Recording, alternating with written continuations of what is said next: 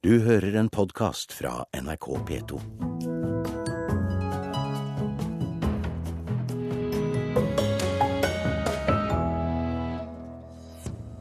Regjeringen legger trolig frem bokloven i dag. Frp og Høyre vil torpedere loven dersom den innføres og de kommer i regjering.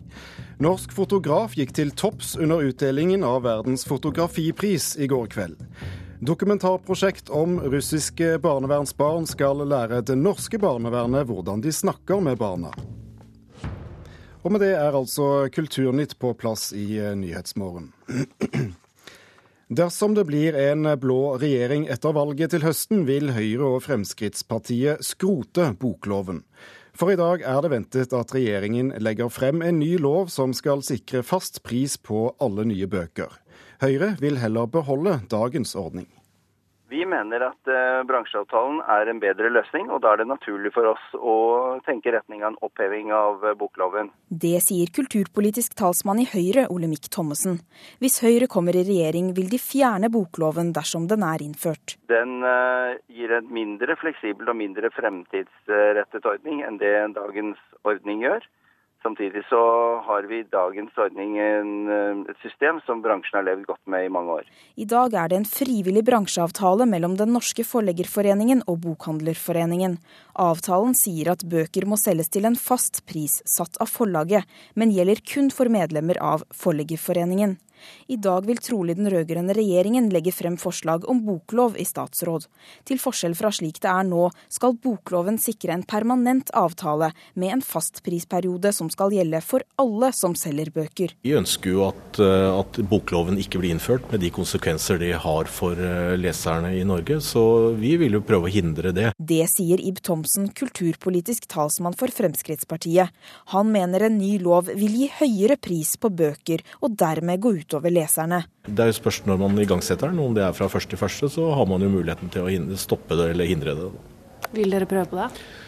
Ja, det gjør vi med tanke på at leserne får dyre bøker og disse konsekvensene har rundt det, så det vil vi prøve. Men det er Gunn Karin Juel uenig i. Hun er leder av familie- og kulturkomiteen for Arbeiderpartiet. Den vil sikre at eh, vi får eh, mange nye forfatterstemmer i årene framover som kan skrive bøkene sine. Det vil bidra til at vi får et mangfold i, i litteraturpolitikken vår. Og ikke minst, det vil sikre også det norske språket. Derfor er det kjempeviktig å få på plass en, en eh, boklov nettopp av kulturpolitiske og litteraturpolitiske årsaker. At en boklov sikrer mangfoldet, er FrPs Thomsen uenig i. Den smale litteraturen kan ingen garantere. Hver dag så får folk avslag på bøker som de leverer til de store forlagene. Så det er ikke noe garanti som forlagene kan gi at vi ønsker å gi ut smale bøker. Administrerende direktør i Den norske forleggerforeningen, Kristen Einarsson, håper regjeringen legger frem bokloven i dag, og har foreløpig ikke tatt stilling til Høyre og FrPs ønske om å avskaffe loven dersom den innføres. Altså Nå tar vi ett skritt av gangen. Vi er veldig spent på å se om det kommer boklov. og og eh, hvis den kommer, så regner vi at det blir en god diskusjon om bokloven. Og den skal vi delta i på to måter. Vi skal delta med å supplere med fakta der det trengs. Og vi skal selvfølgelig drøfte og diskutere med alle parter. Ja, Det sa Kristen Einarsson i eh, Forleggerforeningen. Reportere i saken var Eirin Venås Sivertsen og Jelena Kabo.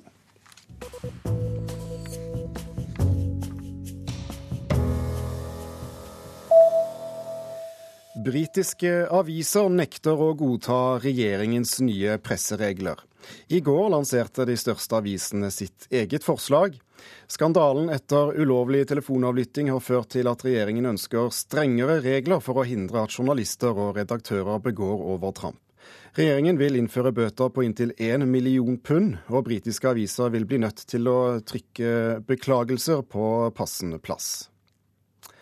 Russen får sin egen bibel. Under russetreffet i Kragerø i helgen lanseres bibelen kalt The Voice of Truth. Russebibelen er Det nye testamentet sammen med 17 andakter, én for hver dag frem til 17. mai. Ruth Silje Boklund, prosjektleder for Kristenrussen, sier til Vårt Land at hun håper at Guds ord skal være med i bukselommen til flest mulig av russen i år.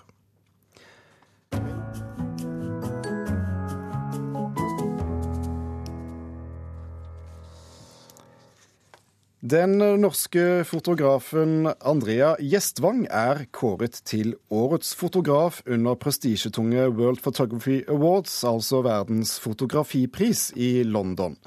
Det var portretter av overlevende ungdommer fra Utøya som rørte juryen. Andrea Gjestvang er med oss på telefon fra London. Juryen landet på deg blant 122 000 kandidater fra 170 land. Hvordan føles det? Det føles jo helt uh, absurd, egentlig. Helt fantastisk. Ikke til å tro. Hva, hva betyr denne typen anerkjennelse for deg? Det er klart at det betyr veldig mye. Det er jo et prosjekt som jeg har jobba med lenge, og som, jeg, ja, som har vært utfordrende på mange måter. Og jeg syns det er eh, eh, fantastisk at, eh, at, det får så mye oppmerksomhet og når ut til så mange som det det gjør nå. I juryens begrunnelse sier de at ditt verk En dag i historien er en sterk og vakker dokumentasjon av overlevende etter grusomheten som fant sted på Utøya 22.07. i 2011. Hvorfor valgte du å gi deg i kast med et såpass tungt prosjekt? Jeg syntes det var eh, viktig at noen lagde noen historier, eller formidlet noen historier om 22.07. som gikk utover den eh, vanlige nyhetsdekningen, på en måte. Jeg hadde lyst til å, å gå mer i dybden og ja, undersøke hvordan livene til uh, ungdommene som var på Utøya, som overlevde på Utøya, hvordan de livene hadde forandret seg. Så jeg visste at det var um, at det var et vanskelig utfordrende tema, men samtidig veldig viktig, da. Ja, Hva slags bilder er det du har tatt i denne serien? Det er portretter. Jeg har møtt ungdommene i de hjemlige miljøene deres og forsøkt å ja, formidle en stemning, en følelse, eh, personligheter. Um, det er ganske um, enkle portretter, men de er, eh, de er ja, intime og, og um, ja, hva skal jeg si, stemningsfulle. Mm. Hvordan opplevde du møtene du hadde med de overlevende? Det var sterkt å møte så unge mennesker som var på så ekstreme opplevelser. Um, det, selvfølgelig gjorde det noe med meg, men det var også veldig meningsfullt på en måte. Og, og også hva skal jeg si, imponerende å se hvordan mange hadde klart å komme gjennom det og, og blitt sterkere. Mm. Andrea Gjestvang, tusen takk for at du var med i eh, Kulturnytt. Eh, du uh, fikk altså tildelt prisen for årets fotograf under verdens fotografipris i London i går kveld. Vi skal holde oss i eh, fotografiets eh, verden. For profesjonelle fotografer møter tøff konkurranse av en halv milliard nye amatørbilder på nett hver dag. Krevende å tjene penger, mener fotografer på Nordic Light Fotofestival i Kristiansund. De må arbeide hardere, lengre og stadig bedre. Jeg skal kjøpe bilde av Einar Sira, Einar Siraja. han er uten tvil et av de store høydepunktene på utstillingen her. Hyggelig. Ja, veldig. Jeg blir, jeg blir svimmel av hele greia. Det er det som skjer. Men veldig kjekt. Fotograf Einar Sira har fått et nytt salg på Nordic Light Fotofestival. William Eckers nykjøpte bilde er basert på tre års nitid-arbeidet. Fotograf Sira møter nå en verden av ekstrem konkurranse. En halv milliard bilder lastes på nett daglig. Jeg har jo sett på alle utstillingene her og ser på disse studentene som òg har utstilling her. Så enormt mye flinke folk. Og du får gåsehud når du ser hva de produserer, og de er 18 år. Når ivrige amatører, fotoentusiaster, fotoklubber, alle som har kjøpt et digitalkamera, nå laster på nett, blir konkurransen ekstrem for profesjonelle fotografer. Et bilde på dette er at bare de siste 14 måneder er det lasta opp flere bilder enn samla antall bilder fra fotografiets begynnelse i 1826 til 2012. I denne mengden foto klarer selv ikke fotoelever å se forskjell på profesjonelle og unge amatører. Jeg er ikke så veldig flink på å dømme hva som er profesjonelt og hva som er amatører som har tatt. Det er eneste forskjell du kan se, er f.eks. at de profesjonelle har kanskje litt dyrere kamera.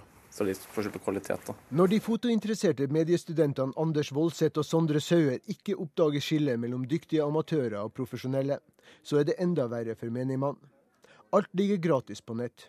Fotografer som Einar Sira må skrape langt ned i lommene for å finne penger.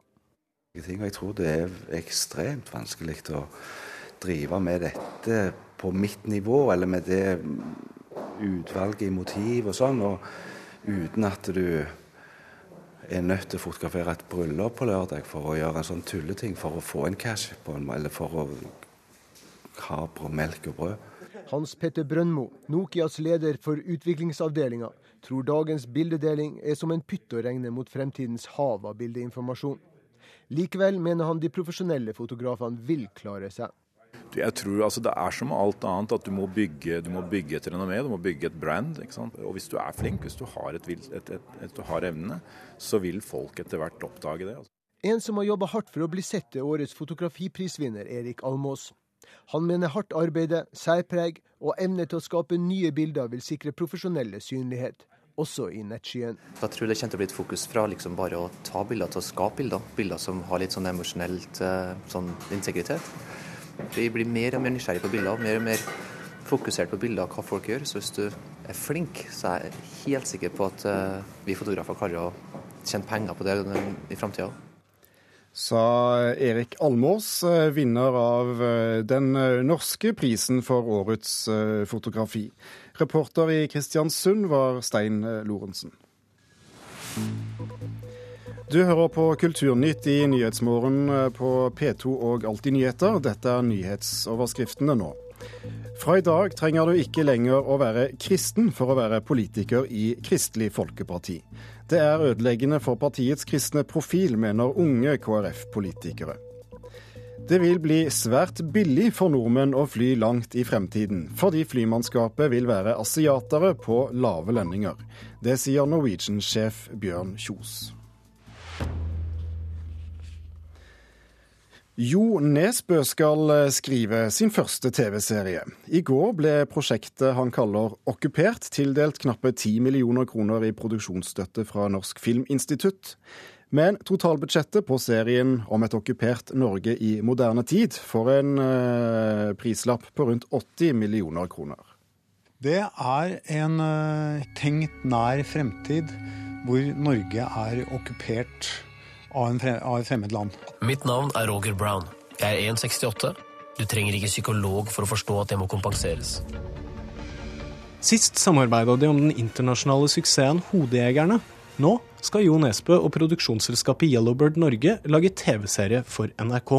Norge har uh, gjort et politisk vedtak om å slutte å produsere olje. Og uh, hele den vestlige verden roper på oljen. Og det har da gitt støtte til at Norge er uh, nå under okkupasjon. Det er en silkeokkupasjon. Vi beholder privilegiene våre. Vi er verdens rikeste land. Det serien tar opp og, på en måte setter et lys på, det er en del menneske, menneskeskjebner som må forholde seg til denne okkupasjonen. Og så stiller den et par sånne spørsmål. Hva betyr egentlig sånne ting som nasjonal suverenitet, demokrati. Hva er egentlig frihet, når du likevel får lov til å dra på den weekendturen til eh, Barcelona? Hvor langt er enkeltmenneskene villige til å gå for å slåss for disse tingene som kanskje er teoretiske størrelser, men som kanskje betyr noe? Marianne Gray, produsent i Yellowbird Norge, som Nesbø også jobba tett med under produksjonen av Hodejegerne, har store forventninger til serien. Kort sagt syns hun Jo Nesbø har en Fantastisk idé. Det skal bli en utrolig spennende TV-serie. Vi har veldig høye forventninger. Det er uvanlig å ha en, en idé for en TV-serie med så mye innbygd konflikt. Det syns jeg ikke er kjempevanlig i Skandinavia overhodet. De siste åra har skandinaviske TV-serier, særlig danske, gjort det svært godt internasjonalt. Gray tror Okkupert har gode muligheter til å bli den første norske TV-serien til å følge i fotsporene til serier som Forbrytelsen og Broen. Enorme möjligheter. Det har den ju redan, i och med att vi redan har en samproducent i Tyskland og eh, Frankrike. Så det, och vi har redan vi har stort interesse internasjonalt. Så langt vil ikke Gray ut med et ord om rollebesetning eller produksjonsdetaljer. Etter planen skal serien være klar for norske skjermer seint i 2014 eller tidlig i 2015. Det er fortsatt en god del som skal på plass. Blant annet er selv ikke Jo Nesbø helt sikker på hvem okkupasjonsmakten er. Altså, det er sånne ting som vi ikke helt har bestemt uh, enda, men det som er klart, det er at det er en uh, okkupant uh, med støtte fra de store oljetrengende nasjonene i, i verden. Og med seg på laget har Jo Nesbø bl.a. forfatterkollega Harald Rosenløv Eeg og regissør Erik Skjoldbjerg. Reporter var Pål Buseth. En ny dokumentar skal lære norske fagfolk hvordan barn takler en oppvekst med alkohol- og omsorgssvikt. Dokumentaren om barn i russiske barnevernsinstitusjoner viser hvordan selv små barn forstår mye om sin egen situasjon. Dokumentarist Hanne Johnsen fra Tromsø håper filmen vil vise at barns egne fortellinger må tas på alvor. Den er jo så fin, den tegninga der. Det er tegnet av ei jente Skal vi se om jeg finner den. Det er tegnet av ei jente. Her har vi den. Og der står det i, i teksten står det 'min framtidige familie'. Ungene har tegna hjem og familier som de drømmer om. Mora har fletta, og faren har litt skjegg, og det er skog i bakgrunnen.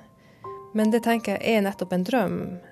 Min framtidige familie. Fotograf Hanne Johnsen har fått unger på russiske barnevernsinstitusjoner til å snakke om tilværelsen, som er eller har vært prega av alkohol, vold og omsorgssvikt.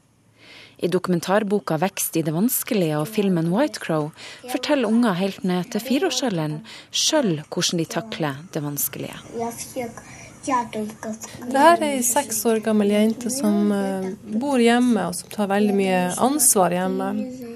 Hun forteller om hvordan hun vasker klær, og hvordan hun ordner TV-en, og hvor flink hun egentlig er. Og, og mamma har til og med sagt det at det minste barnet har hun født til henne. Det skal være hennes datter.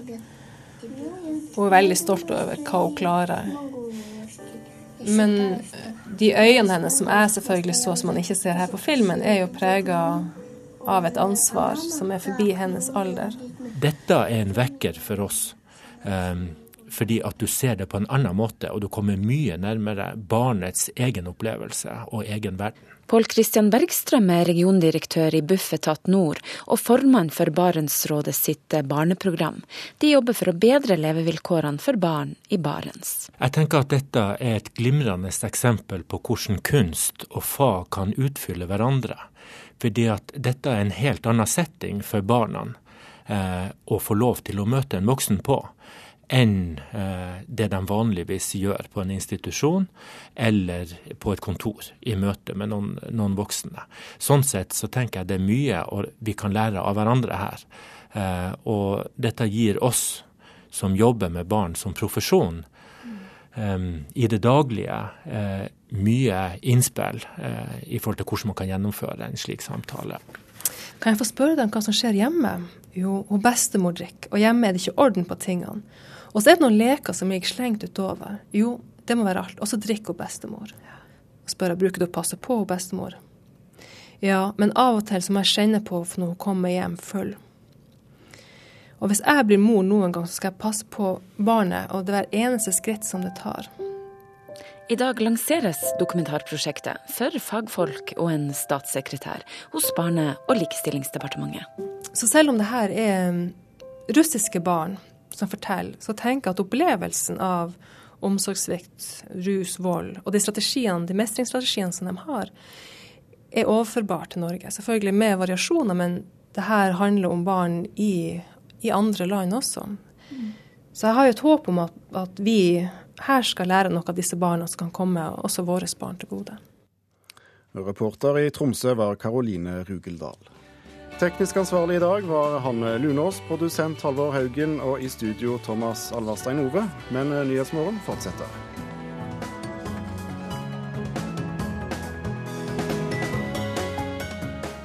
Du har hørt en podkast fra NRK P2.